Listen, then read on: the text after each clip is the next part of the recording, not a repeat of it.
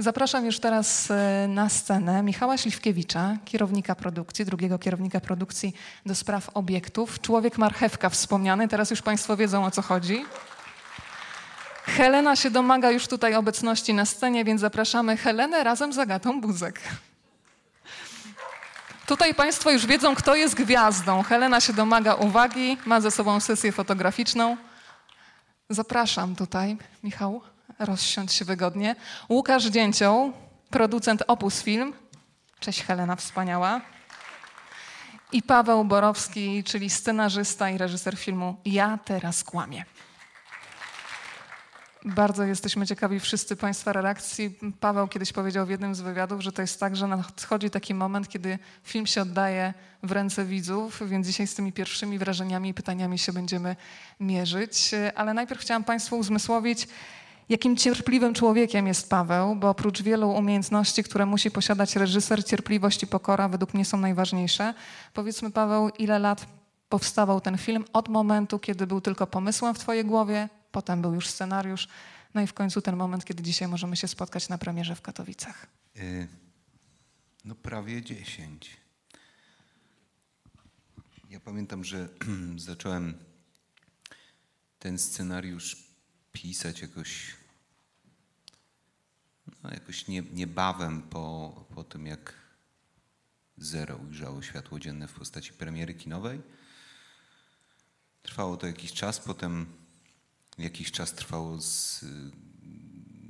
poszukiwanie i gromadzenie funduszy. E, to nie było łatwe, dlatego że, jak Państwo widzieli, mam nadzieję, projekt nie należy do typowych zupełnie. I y, w 2016 weszliśmy na plan, no a potem prawie trzy lata trwała postprodukcja tego filmu. I jak ty się dzisiaj czujesz? Czy to jest wielka ulga? Jak sobie próbuję wyobrazić taką perspektywę 10 lat czekania na coś, co się z taką pieczołowitością przygotowuje. Ten stan emocji, gdybyś mógł nam wyświetlić na wielkim ekranie słowami teraz. Y, jestem bardzo zmęczony. E, ale też myślę, że bardzo podekscytowany tym, bo nie wiem, czy Państwo wiecie, ale jesteście w zasadzie pierwszą taką prawdziwą publicznością, która ten film widziała. Wcześniej oczywiście. Brawo.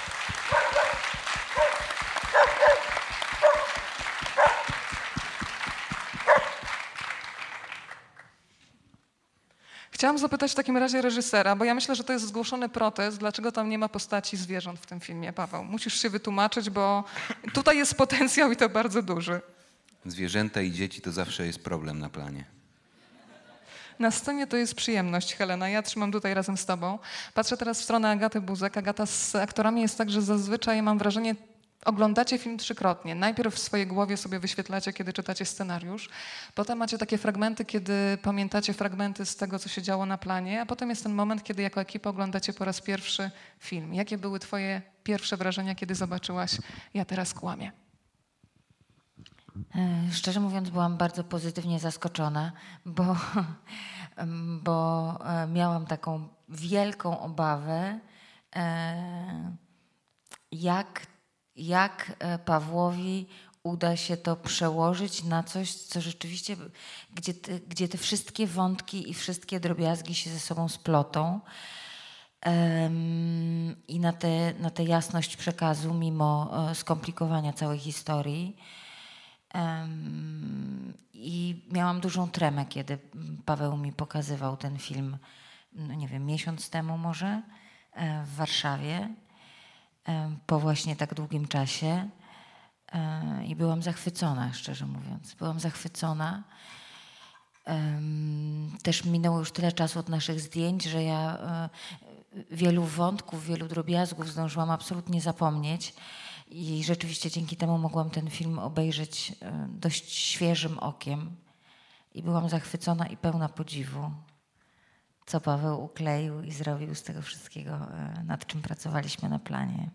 Ja kiedy wyszłam po swoim pierwszym seansie z kina, to sobie pomyślałam, Łukasz, że trzeba mieć ogromną wyobraźnię, żeby od razu uwierzyć w projekt, który właśnie na początku jest zapisany tylko na papierze, bo kiedy zobaczyłam film i wyobraziłam sobie sytuację, że jestem inwestorem, dysponuję gotówką, jasne, żebym weszła w taki projekt, ale trzeba mieć taką wyobraźnię, żeby w to uwierzyć. Dostajesz scenariusz od Pawła, współpracujecie nie pierwszy raz, ale od razu powiedziałeś tak, wchodzę w to.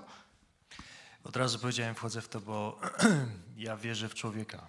Dla mnie to jest nasza druga współpraca.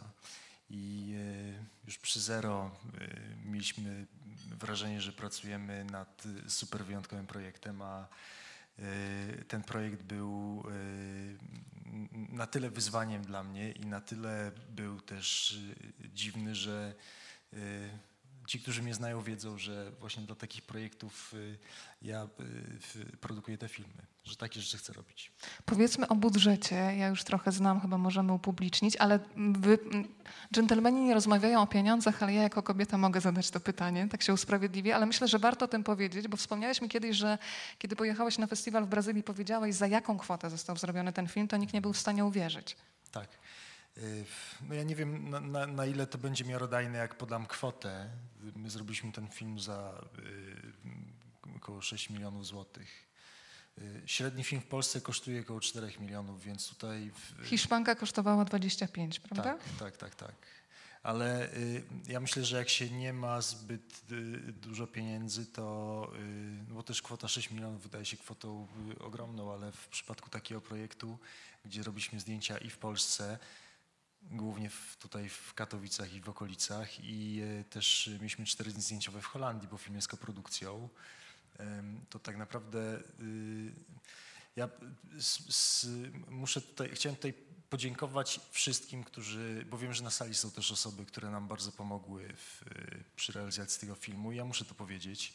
Wiem, że trochę nie odpowiadam na pytanie, ale ten film nie powstałby, gdybyście nie wy, gdyby nie wszyscy aktorzy, którzy y, też y, no, tak naprawdę poszli za tym y, projektem, poszli za tym scenariuszem.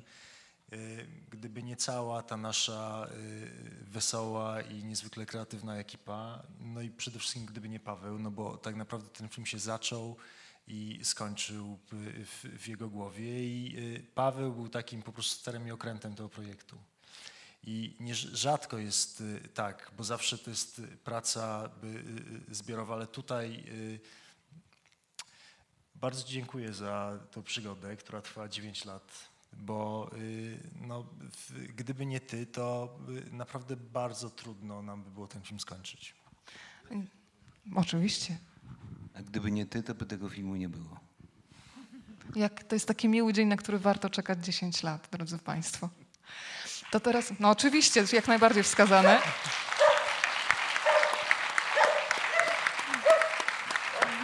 Patrzę na Helenę i ona też by była świetnym kierownikiem produkcji, który właśnie w takim reality show mówi, kiedy mają pojawiać się braza, brawa i ona się świetnie tutaj sprawdza. To padło, skoro padło hasło kierownik produkcji, Michał, patrzę w twoją stronę. Która rola była trudniejsza? Człowiek marchewka, czy jednak te sprawy produkcyjne i do, dopatrzenie wszystkich lokacji? Ciekawe, marchewka będzie chyba trudniejsza. Na czym polegała ta trudność? Podziel się traumą z planu.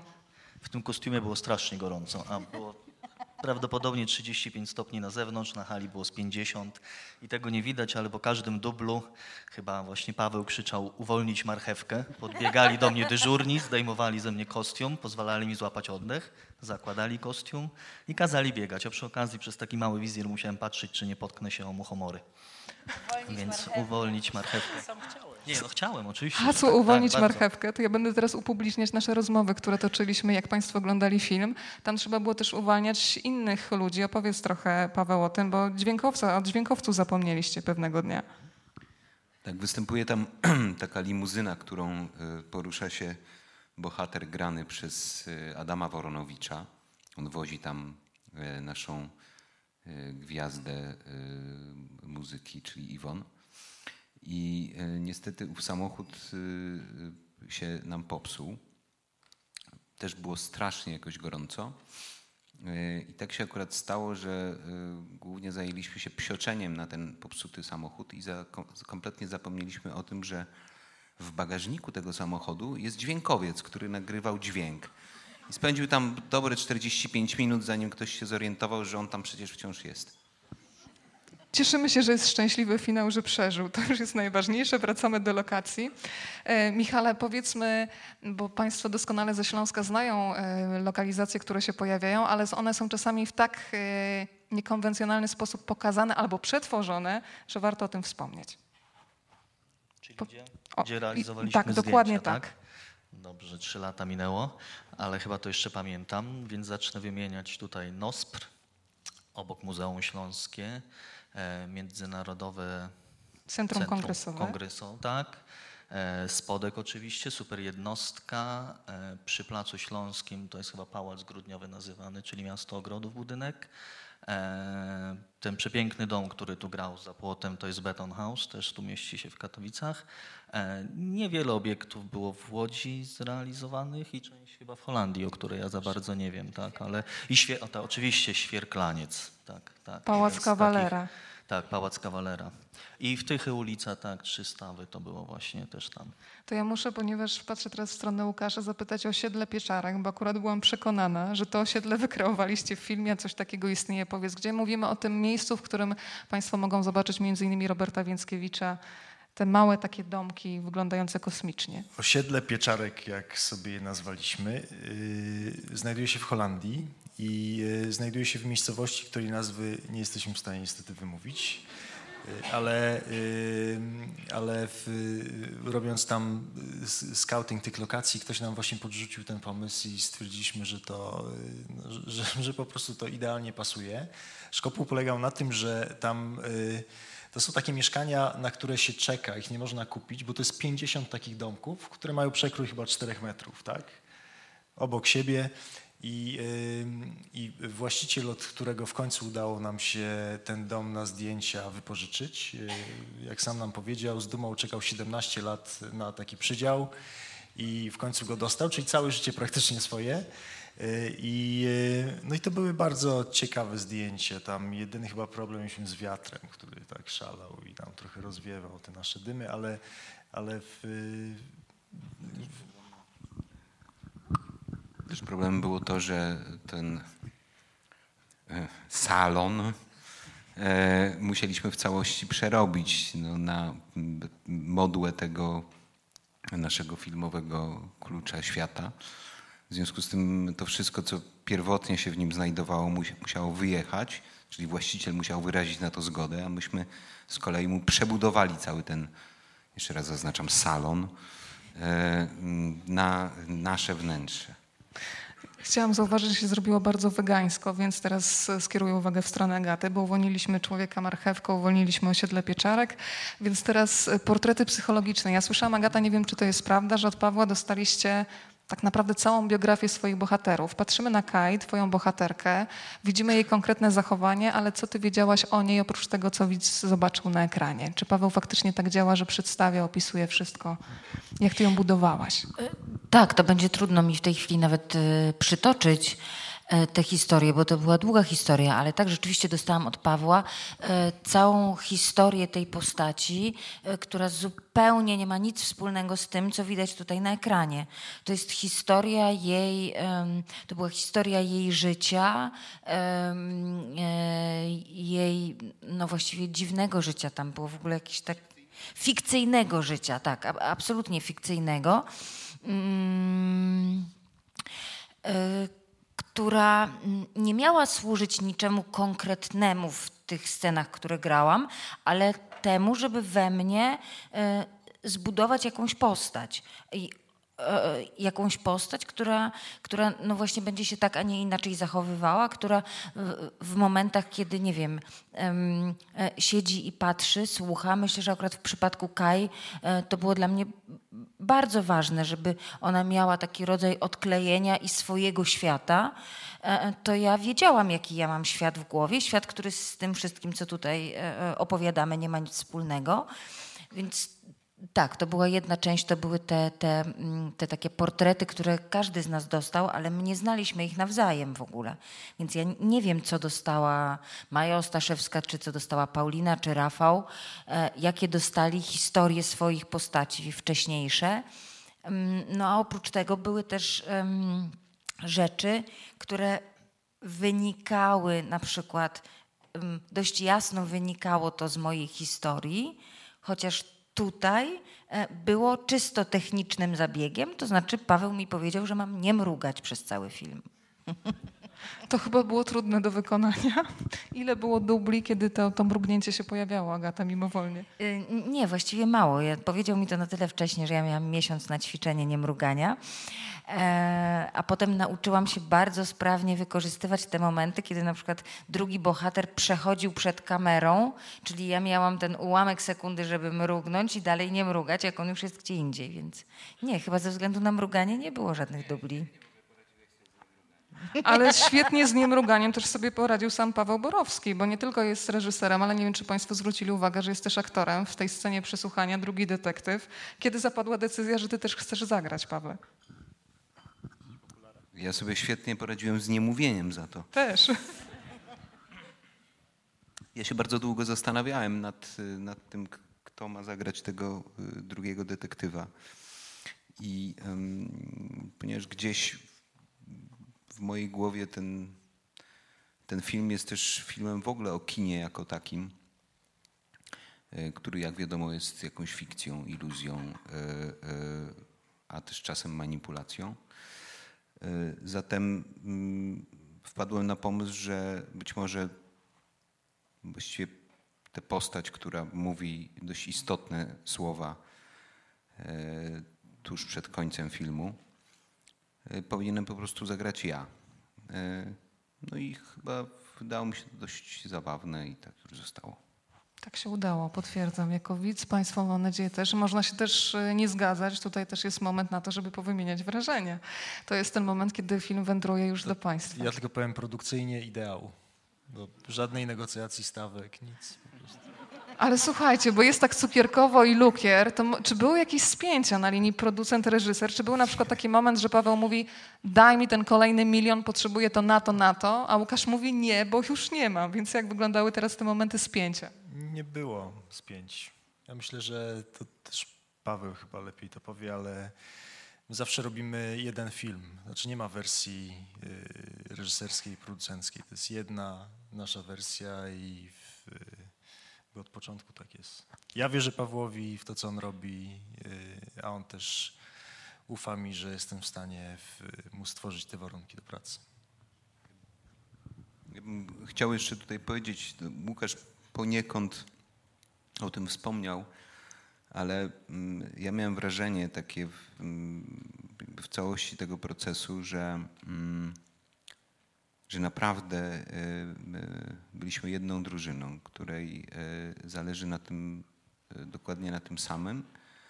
E, I to było e, e, uczucie absolutnie cudowne. To znaczy, to też nie, nie jest chyba wyłącznie moje wrażenie, bo takie głosy dochodziły mnie e, również od członków ekipy, nie wiem, od e, oświetlaczy, wózkarzy i e, naprawdę osób, które nie, e, no, rzadko się zdarza, że, że wchodzą tak głęboko w, w jakiś projekt, który robią że, że było takie poczucie pospolitego ruszenia i i że było przeświadczenie, że wspólnie robimy coś, co, e, co być może ma, ma jakiś sens. I to było absolutnie cudowne i tym wszystkim ludziom i wszystkim właściwie, którzy byli w ten projekt zaangażowani, strasznie e, chciałbym za to e, podziękować. Powiedziałam od razu, kiedy zobaczyłam ten film do Łukasza, że mieliście fantastyczną ekipę i myślę, że to też jest świetny moment, żeby wymienić konkretne nazwiska.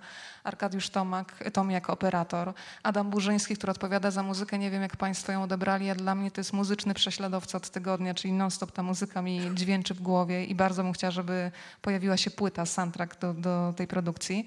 Daria Dwornik, czyli scenografia, to jest kobieta, która myślę, że nie jedna osoba dzisiaj marzy, żeby nam urządziła wnętrza w domu. Ja bym tak mogła mieszkać.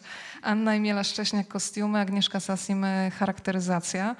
E, Kiedy się pojawiła też e, ta, mm, ta decyzja, żeby ta stylistyka, jeżeli chodzi o obraz, była taka przydymiona, senna, bo cały czas jesteśmy znowu na granicy snu i jawy i ta stylistyka Orwo. Paweł, kiedy, jak, jak podejmowaliście tę decyzję?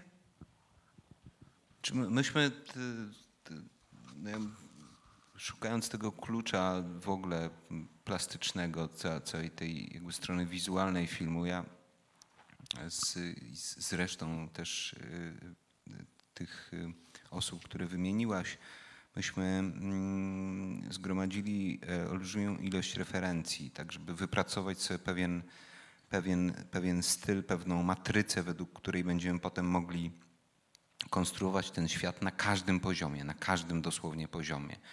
E, I, e, no i to, to był właściwie klucz do, do budowania tego świata, poczynając od tych najbardziej e, spektakularnych rzeczy, jak właśnie nie wiem, lokacje, scenografia, poprzez kostiumy, poprzez, poprzez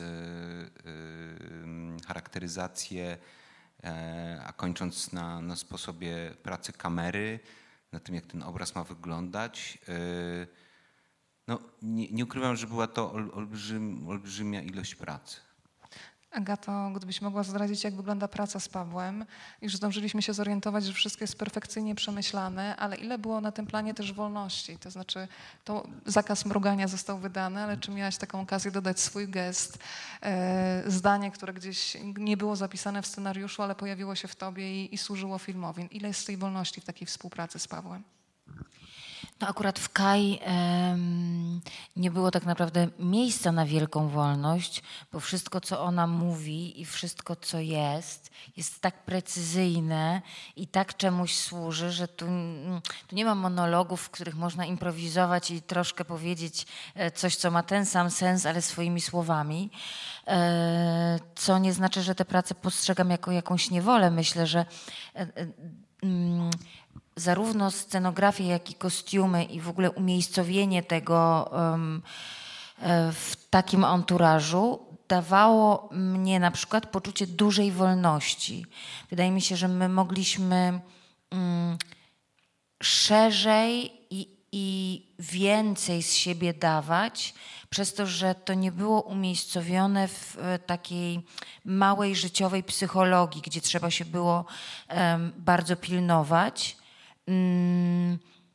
a jednocześnie, bardzo to jest trudno opisać, bo jednocześnie nie było w tym nic teatralnego, to znaczy to nie było duże, ale to mogło być wyraziste. I, um, i to była duża przyjemność. Um, myślę, że um, być może nawet Paweł sobie nie zdaje z tego sprawy, bo tu mówię nie tylko w swoim imieniu, ale też aktorów, z którymi rozmawialiśmy, e, znaczy ja rozmawiałam, że mieliśmy do Pawła niesamowite zaufanie, właśnie w związku z tym, że on absolutnie wiedział, czego chce, jak chce, jak to ma wyglądać i czemu to służy. I mieliśmy to zaufanie, nawet jeśli zdarzało nam się na planie zupełnie nie rozumieć, o co chodzi. Ja pamiętam rozmowę z Marianem Dziędzielem, który przy okazji filmu Zero powiedział, że przeczytał scenariusz, na początku nie wiedział o co chodzi, ale Agan go przekonał i potem był też zadowolony, bo zrozumiał o co chodzi.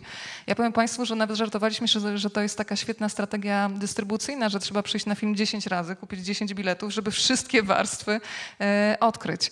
Michale, e, są takie sytuacje na planie, które w trakcie, kiedy dzieje się film, podnoszą adrenalinę, a potem po czasie je się wspomina z sentymentem.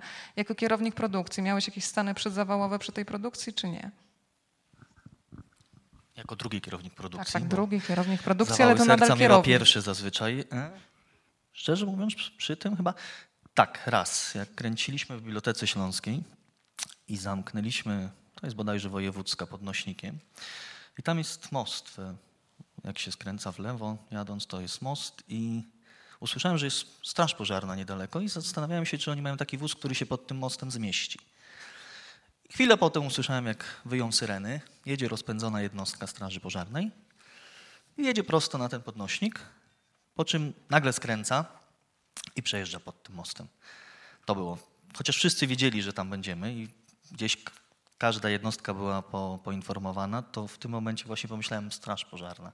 Czy oni na pewno wiedzą, i czy na pewno w razie czego zmieszczą się pod mostem. I naprawdę chwilę potem usłyszałem jedno, wysłałem moją asystentkę, żeby biegła do straży pożarnej w razie czego, a za chwilę jechał właśnie wóz i, i to było chyba najtrudniejsze w tym wypadku. Tak, cała reszta jakoś przy tym filmie mniej lub bardziej była A nie, jeszcze mieliśmy przygodę w Muzeum Śląskim z samochodami w parkingu podziemnym, bo parking podziemny był najtrudniejszą lokacją, ponieważ został opisany znajdź mi parking, który nie będzie wyglądał jak parking.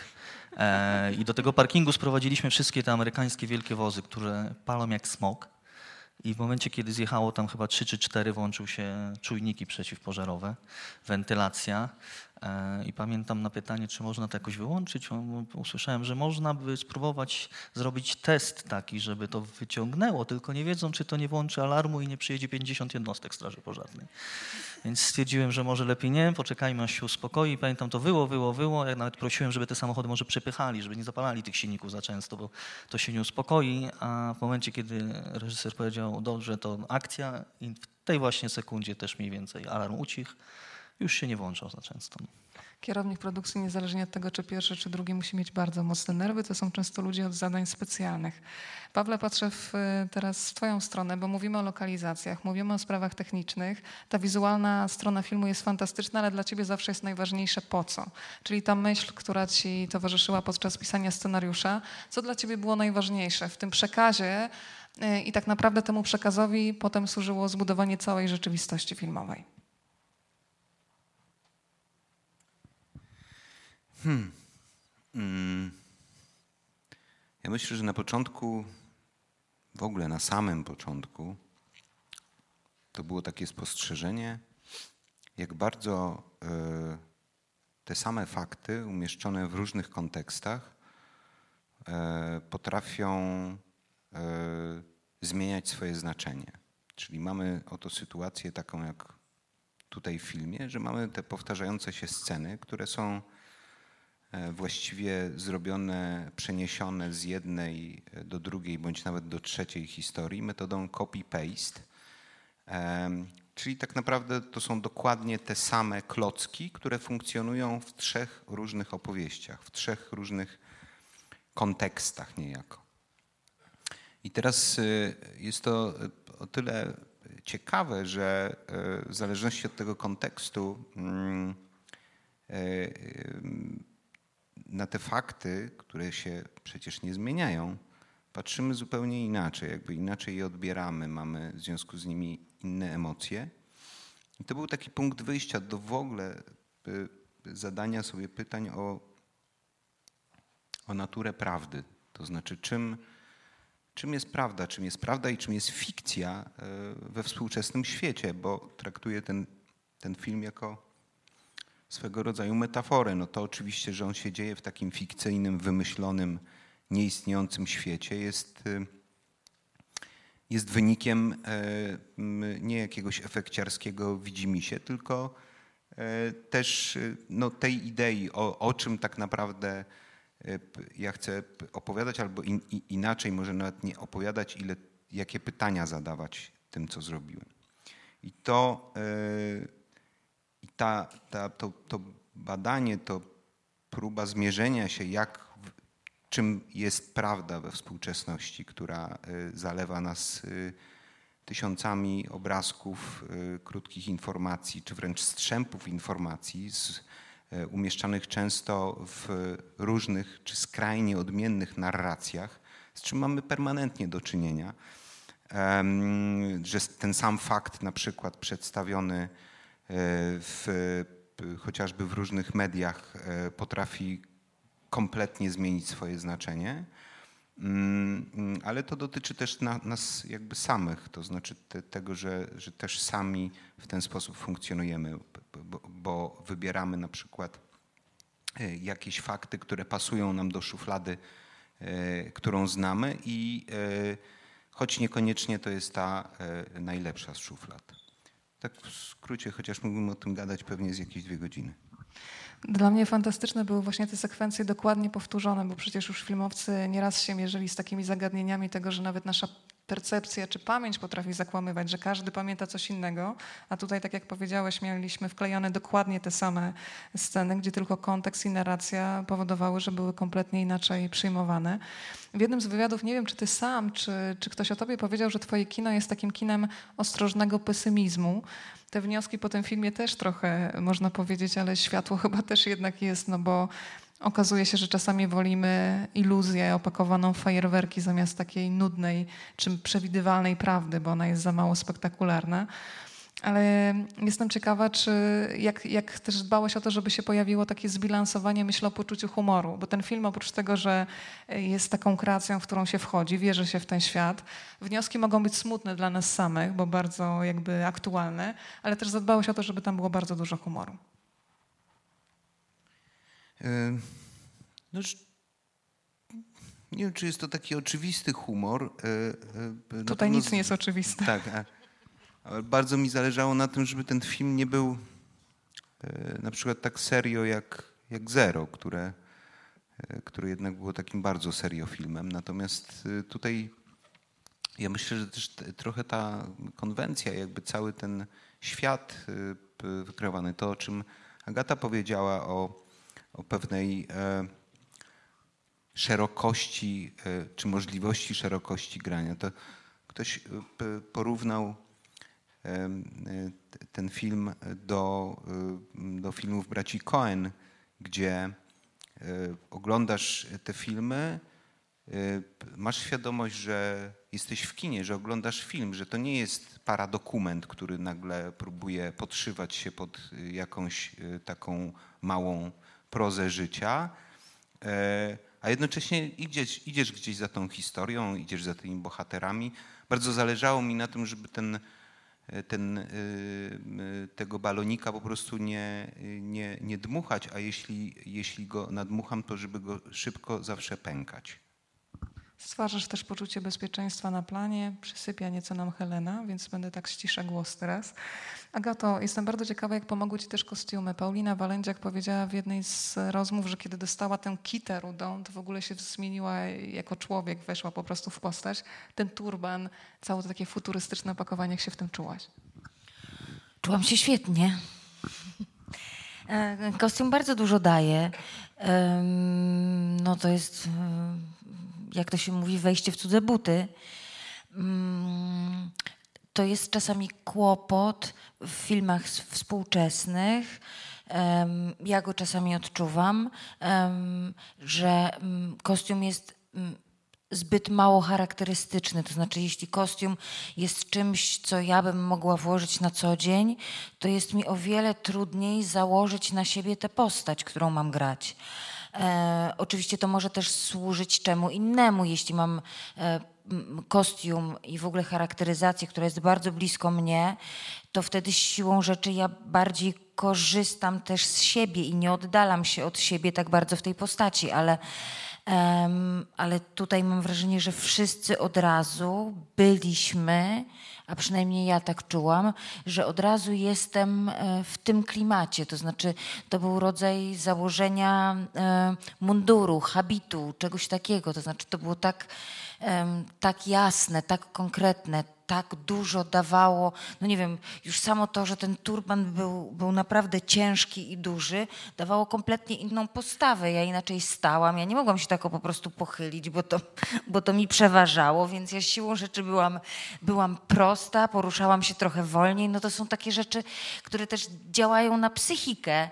Um, więc um, dla mnie ten kostium był, był, był fantastyczny i myślę, że dużo, e, dużo też dał do postaci, którą grałam.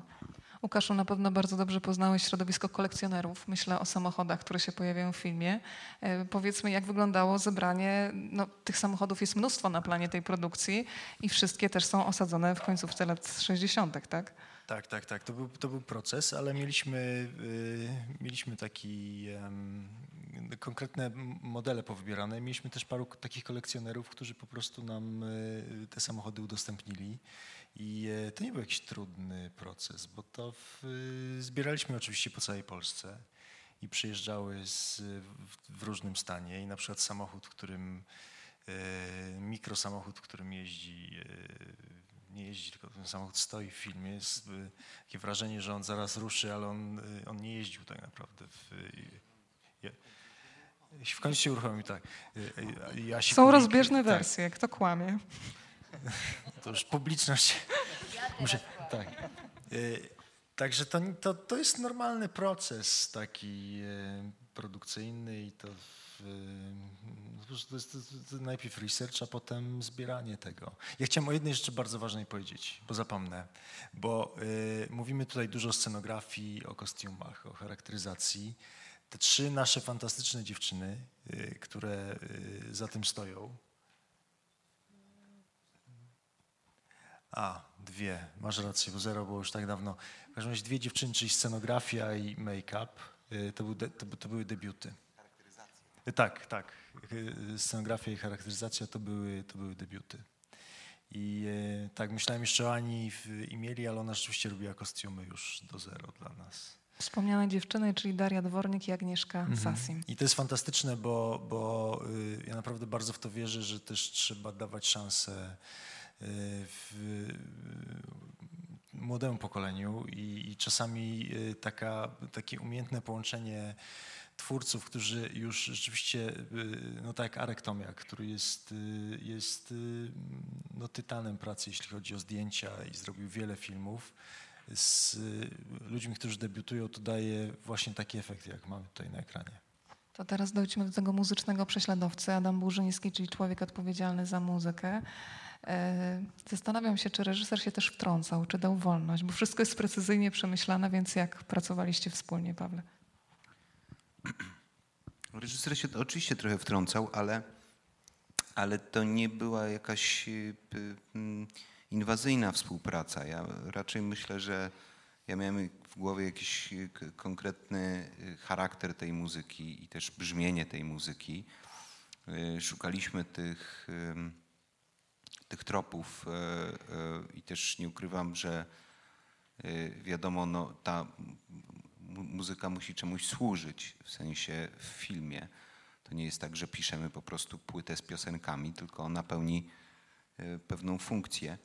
W związku z tym no, tych rozmów było bardzo wiele. Ale też z drugiej strony mam wrażenie, że tutaj gdyby Adam z nami siedział, to też nie, mm, nie mówił o tym, że ja w jakiś sposób tutaj go maltretowałem. Raczej y, chyba ta współpraca była bardzo fajna. Jesteśmy teraz w konfesjonale gwiazd, drodzy Państwo. Ja teraz może ponowię ten komunikat, że w każdej chwili się można włączyć do rozmowy. Jeżeli ktoś chciałby teraz zadać pytanie, zawsze ktoś pierwszy otworzy dyskusję, to bardzo proszę. Czy są pierwsi chętni? Bardzo zachęcamy, bo my też jesteśmy bardzo ciekawi. Państwa opinii, Państwa pytań. U góry. U góry. To proszę krzyczeć do nas, bo tam nie mamy mikrofonu. Kto składał A, obietnicę? to pan. Tak, że odpowiem na pytanie z balkonu. Tak. Tak. Ja, ja tylko, y, ja tylko y, y, spróbuję jakoś streścić Pana pytanie, czy na pewno o to Panu chodzi, dobrze? E, chodzi Panu o to, jak wchodzi się w rolę, to znaczy wchodzi w jakiś inny świat i potem jak się z niego wraca do rzeczywistości, tak? Mm, różnie. E, zależy od roli, mm, a pewnie też zależy od tego rzeczywistego świata, jaki się ma akurat w tej chwili i czy się do niego wraca chętnie, czy niechętnie. Pewnie to jest u różnych różnie. To jest taki problem, tego nas nikt nie uczy. I ja myślę, że to jest pewien problem, że przez cztery lata jakiejkolwiek edukacji e, aktorskiej e, nikt w ogóle nie porusza tego tematu, e, jak to robić, że się stajesz innym człowiekiem, a potem wracasz do siebie i trzeba po prostu iść na zakupy i zrobić pranie. Mm, I radzimy sobie z tym różnie. Myślę, że każdy wypracowuje jakieś swoje sposoby. Mm. To nie są sposoby, to, to nie są metody, które można, nie wiem, jakoś ubrać łatwo w słowa, ale wydaje mi się, że mamy takie. Mm, że z jednej strony mamy reżysera, który na przykład podsyła e, nam e, e, całą historię życia postaci. Mamy ten czas szukania inspiracji, rozmów, prób, kiedy wchodzimy w jakąś inną postać. Mnie na przykład bardzo często pomaga muzyka. To jest coś, czego jakiś rodzaj muzyki, jakiś rodzaj dźwięków, jakiś rodzaj e, emocji przenoszonych przez muzykę, którą utożsamiam sobie z daną postacią, czyli jak mam tę muzykę na uszach, no to coś, coś ona mi buduje i buduje mi pewien rodzaj skojarzeń. E, no więc tak się wchodzi, mm, a wychodzi się też różnie, no bo czym innym jest wychodzenie takie codzienne, to znaczy, że kończy się plan i trzeba teraz, e, no nie wiem, wraca się na przykład do hotelu. E, no i to rzeczywiście mm, często jest tak, że no nie da się od razu zasnąć. To nie dotyczy tylko aktorów, to dotyczy w ogóle wszystkich na planie, że jest się w jakimś świecie, adrenalina, e, nie wiem, 12-14 godzin na planie, a potem dobrze by było szybko zasnąć, bo zaraz trzeba wstawać e, na następny dzień. No i myślę, że e, często ta wspólnota, którą która tworzy dany film, wytwarza sobie jakieś sposoby. E, nie wiem, jest się w jakimś hotelu i na przykład ludzie, nie wiem, no to już pomijam oczywiście wino, wódkę i inne środki powodujące szybkie zapomnienie, ale um, mówię o tym, że nie wiem, no, nagle się okazuje, że tam jest bilard i po prostu wszyscy już biegną do tego bilarda zaraz po skończonym, po skończonym planie i dwie godziny bilarda powoduje, że się e, odchodzi od jakiegoś, e, od jakiegoś klimatu. No, często ludzie z zewnątrz pomagają nam też wrócić do normalnego świata. A tak w ogóle wyjść z roli i wrócić do rzeczywistości.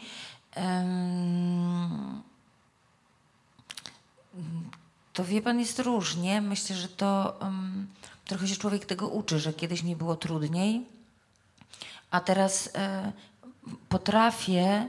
E, zobaczyć te rzeczy, które chcę, żeby we mnie zostały z danej postaci, bo myślę, że każda postać jest jakąś nauką i jakimś zadaniem i chcę, żeby część z tego, co przeżyłam jako ktoś inny, we mnie zostało, a ta część, którą no, uważam, że jest niepotrzebna, zbędna, trudna, zbyt trudna, mm, to się jej pozbywam dość łatwo już w tej chwili. Ciąg dalszy nastąpi, drodzy Państwo. Czy Ale ktoś chciałby z balkonu też się uaktywnić? Może być też parter. Teraz odpowiedź parteru na pytanie balkonowe. Drodzy Państwo, jakaś równowaga musi być. No to ja będę. O, jest Pani, bardzo proszę.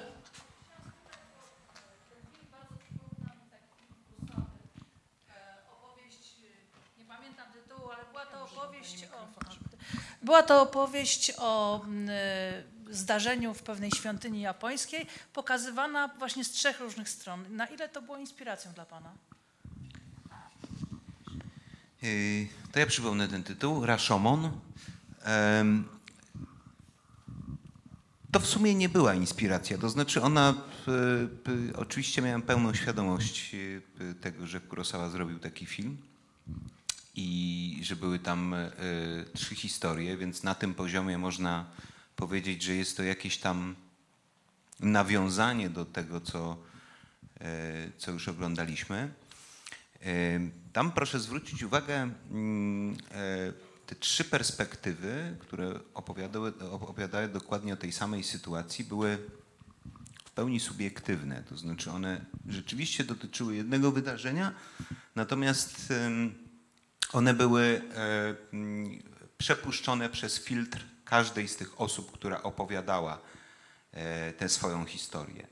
W tym przypadku, dzięki mm, temu zabiegowi e, powtarzających się scen, które są w zasadzie obiektywne, bo one są w niezmienionej formie e, przeklejane z jednej historii do, do drugiej, bądź z drugiej do trzeciej i tak dalej. Tu, jest, tu, tu mamy do czynienia z trochę innym jakby zabiegiem, to znaczy z tą właśnie relatywizacją pewnej, pewnego faktu, który się nie zmienia kompletnie, bo widzimy dokładnie to samo. To jest do tego stopnia, że ja tych scen, które oglądamy na ekranie, powtarzających się, w ogóle nie zmieniałem. One są, to jest ten sam montaż, ta sama długość, e, te same duble, to jest dokładnie to samo, tak jakbym przeniósł ten sam klocek z jednego miejsca w drugie. I to, co jakby e, interesowało mnie jakby w ramach tej narracji, to była właśnie ta sytuacja, w której nagle za sprawą samych tych opowieści my zaczynamy patrzeć na to, co jest przecież dokładnie tym samym, co już widzieliśmy, w inny sposób. Jest taki dość słynny, e, to jest szkoła filmowców radzieckich. Jest te, te, taki słynny e, tak zwany efekt e, Kuleszowa, który polega na tym, to był taki eksperyment montażowy polegający na tym, że oto mieliśmy twarz mężczyzny, która kompletnie nie wyrażała żadnych emocji, którą e, zestawiono z różnymi obrazkami. E, raz to była jakieś płaczące dziecko i tak dalej, i tak dalej. I za każdym razem, mimo że widzowie oglądali dokładnie tę samą twarz, w zależności od tego, z jakim obrazem była zestawiona, odczytywali w tej samej, dokładnie tej samej twarzy inne emocje. Czyli ten kontekst e, niejako narzucał nam sposób e, odbierania, percepowania e, tego świata, tego zjawiska, z którym mamy do czynienia. I to jest właśnie coś, co mnie jakby bardzo zaciekawiło w, w tym. Więc na poziomie konstrukcyjnym, tak, mogę, mo, można powiedzieć, że jest to dość podobne do Rashomona. Natomiast na poziomie jakby e, e, pewnej, pewnego punktu wyjścia, e, no, to jest ta zasadnicza różnica. Stolikowych rozmów ciąg dalszy. Ktoś z Państwa miałby jeszcze ochotę? Jest ręka z tyłu. Poprosimy o mikrofon. Jest. Dobry wieczór. Ja mam takie pytanie o czas postprodukcji. Wspominali Państwo o trzech latach. Skąd aż tak długi czas? No myśmy najpierw, e, e, oczywiście na początku to, to montowaliśmy ten film. Potem w momencie, w którym ten film został e, zmontowany, weszliśmy na coś, co nazywa się tak zwanym onlinem, czyli wszelkiej maści prace związane już e, z postprodukcją obrazu i dźwięku oczywiście również, ale przede wszystkim obrazu. Tam jest cała masa rzeczy w tym filmie, które E, zostały dodane właśnie na tym etapie, na etapie postprodukcji. Są to rzeczy większe i mniejsze. Do większych można zaliczyć na przykład to, że w części ujęć musieliśmy domalować jakieś fragmenty miasta, e, jakieś elementy architektury itd., tak itd. Tak Poprzez rozmaite jakby działania związane z E, nie wiem, choćby z tymi rzeczami, które pojawiają się na, na wszystkich ekranach, jakimiś animacjami itd., tak itd. I też nie ma co e, kryć. No, jest takie stare porzekadło produkcyjne. Jak się nie ma pieniędzy, to trzeba mieć czas. Myślę, że to też było istotnym czynnikiem w tak długim okresie. Patrzymy, tak mamy trochę tutaj widoczność ograniczoną. Tam widzę chyba podniesioną rękę. Tak, tak. Dobrze, e, dobrze widzę. E, Prosimy. Dobry wieczór. Gratuluję filmu. E, I jeszcze w nawiązaniu do inspiracji, tutaj jestem, a i tak pewnie nie widać. nawiązując do inspiracji, czy scena realizowana w jakże pięknym Pałacu Kawalera w Sierklańcu, czy to jest inspiracja do filmu e, Stanleya Kubricka Oczy szeroko zamknięte, a jeżeli nie, bo być może tylko we mnie tak mocno ten film siedzi w głowie, a jeżeli nie, to skąd pomysł na taką scenę? Ja myślę, że to w ogóle ten, ta cała historia ma e, taką samo eskalującą się konstrukcję. To znaczy my doprowadzamy e, w którymś momencie do eskalacji już wszystkich tych doznań. I e, wydawało mi się, że to jest dobry moment, końcówka filmu, na to, żeby do, doprowadzić ten, ten cały, tę całą spiralę, którą nakręcamy, do e, jakiegoś apogeum. I ona oczywiście, można to e, też interpretować, e, no chociażby z tego punktu widzenia, że niby ta hi historia, którą oglądamy na ekranie dotyczy zdrady, dotyczy no, zdrady takiej również fizycznej, w związku z tym jakby to, co dzieje się tam w ramach nie bójmy się tego słowa, orgii, również jest pewnym symbolem takiej zdrady, tylko oczywiście na dużą skalę. Mm, ale tak jak mówię, mm, to są takie rzeczy, o których pewnie myślałem i stąd znalazły się w scenariuszu. Mm, natomiast nie, ja, ja myślę, że, że tu tak jak Weronika powiedziała na, na początku, ja zawsze uważam, że w momencie, w którym e, kończę film, e, oddaję e, go w Państwa ręce. Państwo stajecie się nie tylko właścicielami tego filmu, ale też autorami tego filmu. I ja jestem naprawdę strasznie ciekaw tej Państwa reakcji, dlatego że to jest, że dla mnie film e, to nie jest kino.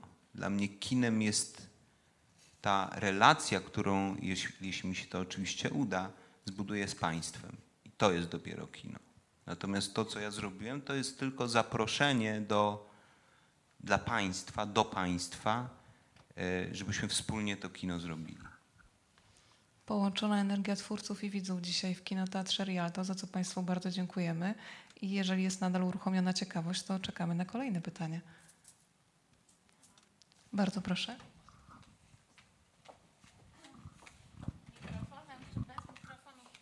E, dobry wieczór. No, mnie tutaj dwie takie kwestie zainspirowały w tym filmie. Mianowicie chciałam zapytać, czy to był celowy zabieg, że przy tak futurystycznej scenerii użyto takich starych marek samochodów? E, czy to właśnie miało być na zasadzie kontrastu, żeby no, wywołać jakiś efekt taki może lekko karykaturalny? E, to jest moje jedno pytanie. A drugie, Y, pan marchewka i te, te grzybki i taka powtarzająca się sekwencja właśnie y, y, z tymi, z tymi postaciami. Mnie to trochę przypomina film Davida Lyncha Inland Empire, gdzie tam też był taki pewien motyw. Kto widział ten film, to na pewno wie, co mam na myśli. Chciałam też zapytać, czy to, czy pan w ogóle lubi filmy Davida Lyncha i czy to było też dla pana jakąś inspiracją? Dziękuję. E, bardzo lubi filmy Davida Lyncha. Akurat Inland Empire nie widziałem, natomiast e, w takim razie będę musiał obejrzeć. E, to polecam w takim razie. Przy tym filmie pracował Łukasz, tak? To możesz dopowiedzieć. Natomiast jeżeli chodzi o mm, pierwsze pytanie, to zależało mi na tym, żeby stworzyć świat nieistniejący, to jest bardzo ważne, e, bajkowy, e, czyli świat, który, który jest fikcją, który nigdy nie e, istniał, nie istnieje i nie będzie istniał w dodatku. I to, co wydawało się jakimś takim dość ciekawym tropem, no bo ja chciałbym, żeby widz, który zaczyna oglądać ten film, na dzień dobry dostawał informację: hej, to co widzisz, tego nie ma. E, bo to jest zaproszenie do rozmowy, to jest zaproszenie do wejścia do tego świata i do właśnie e, próby konstruowania jakichś pytań dotyczących tego, czym jest prawda i czym jest fikcja, fikcja gdzie przebiega ta granica. To jest coś, co, co jest jakby immanentną częścią tej, tej, tej opowieści. I teraz y, te samochody, jakby cała ta powiedzmy sobie ten klucz estetyczny, ale jakby cały ten świat, jego wygląd, to były takie dwie zmienne, można powiedzieć. Pierwsza zmienna, ponieważ, tak jak powiedziałem, zależało mi na stworzeniu świata, który nie istnieje, a jednocześnie nie chciałem iść w taką pełną umowność, jak na przykład Lars von Trier w Dogville, gdzie on kredką sobie tam narysował po prostu miasto na podłodze. Tylko chciałem, żeby ta rzeczywistość była namacalna, żeby to było coś takiego, co, co y, jakby w co widzowie uwierzą, no, nie wiem, na przykład na takiej zasadzie, na jakiej wierzą w to, że w świat gry o tron, tak? gdzie na przykład ja oglądam z moją żoną, a moja żona mówi, oni wtedy tak i w tym momencie łapie się, że jakie wtedy? Przecież nie było żadnego wtedy. E, więc tak naprawdę e, chodziło o to, żeby ten świat był e, taki, że, że gdzieś uwierzymy w to, że ci ludzie naprawdę tam funkcjonują, istnieją, coś w rodzaju jakiejś alternatywnej rzeczywistości. I teraz skoro chciałem zbudować taki świat nieistniejący, musiałem wyjść z czegoś, tak, z, jakiejś, z jakiegoś pomysłu i to, co pojawiło się w mojej głowie, to, to była końcówka lat 60., kiedy mm, jakiś taki pomysł, że co by było, gdyby ktoś w tej końcówce lat 60. pomyślał, jak będzie wyglądał początek nowego tysiąclecia, tak? czyli te lata 2000. I to był taki pierwszy pomysł. A ta końcówka lat 60. z kolei wzięła się z tego, że mm, takim głównym nurtem jakby w pewnej nie tylko architekturze, ale też w ogóle w designie, w popkulturze i kulturze jako takiej było coś, co nazywało się Space Age. Czyli to była ta era lotów w kosmos, ale jednocześnie ona wpływała w bardzo istotny sposób na, na, na, na te wszystkie pola, o których powiedziałem. E, I e, ideowo była przesiąknięta takim myśleniem o, o tym, jak, jaka to wspaniała będzie ludzkość za te ileś lat. Więc to mi się wydało akurat dość zabawne, żeby opowiedzieć o współczesności takim e, nie do końca spełnionym marzeniem. I z drugiej strony akcja tego filmu dzieje się w 2008 roku, czyli to już miało miejsce i wiemy, że oczywiście świat tak y, nie wyglądał. Więc z tych dwóch zmiennych e, zbudowałem tę rzeczywistość i stąd te na przykład samochody z lat 60., y, które jednocześnie są elektryczne, stąd te pomysły wszystkie na, mm, na architekturę, na styl, na coś, co też przenosi się niby na te atrybuty, atrybuty współczesności, takie jak, nie wiem, telefony komórkowe które pojawiają się przecież tutaj e, w tym filmie. Więc e, no tak, to było szukanie klucza, według którego ja tę rzeczywistość będę w stanie zbudować.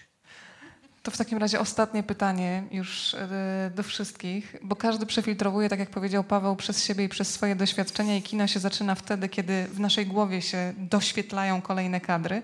Paweł, czy to dla ciebie był taki też moment zatrzymania hamulec bezpieczeństwa, jako człowieka, który zna trochę, nie wiem, nazwijmy to show biznes, świat reklamy, że bardzo fajnie jest stworzyć światy, w które można wierzyć umownie, ale trzeba znaleźć ten moment zatrzymania, żeby nie zatracić granicy.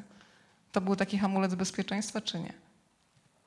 Nie wiem, czy to był hamulec bezpieczeństwa, czy to raczej wynikało z jakiegoś takiego niepokoju, ale też związanego po prostu z tym, że sam bardzo często jestem ofiarą takiego sposobu myślenia, takiego ułatwiającego życie, nie wiem, oceniania, ferowania wyroków, tego z jaką łatwością na przykład coś widzę i myślę sobie, a okej, okay, ja już wiem o co chodzi, tak?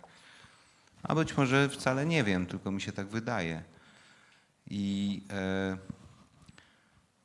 ja tak sobie w ogóle myślę, że e, to, co tak sobie jakiś czas temu wymyśliłem taką, taką rzecz, że to, co mnie chyba najbardziej ciekawi, e, to są wątpliwości.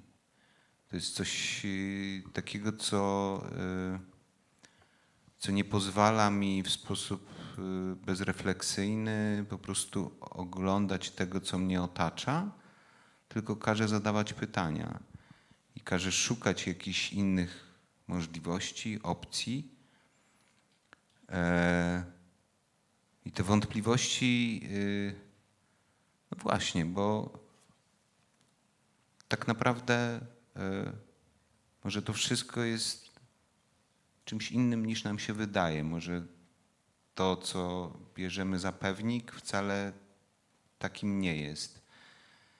I no właśnie, chyba te wątpliwości lubię je mieć. Telefony bardzo są niepokojące, piękne i groźne. Telefon już tutaj zadzwonił, że mamy powoli zamykać. Bodzio, tak mogę już mu powiedzieć. E, To na koniec patrzę w stronę producenta i całej ekipy, która siedzi na kanapie. Jeżeli pojawi się kolejny projekt, a już chyba możemy powiedzieć, że gdzieś w głowie jest kolejny projekt, czy w takiej ekipie, jak jesteście, pan Marchewka zgłasza gotowość, Agata Buzek, jeżeli się pojawi propozycja i Łukasz Dzięcioł do tego, żeby znowu stworzyć kolejny filmowy świat z Pawłem. Jasne.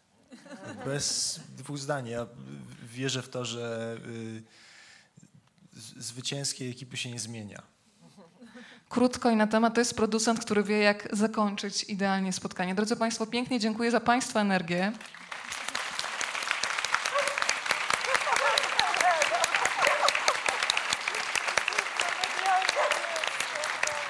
Przebudzona Helena. Przypominamy, że ja teraz kłamię od 28 czerwca w kinach. Państwo już widzieli i mogą polecać dalej. Pięknie dziękujemy.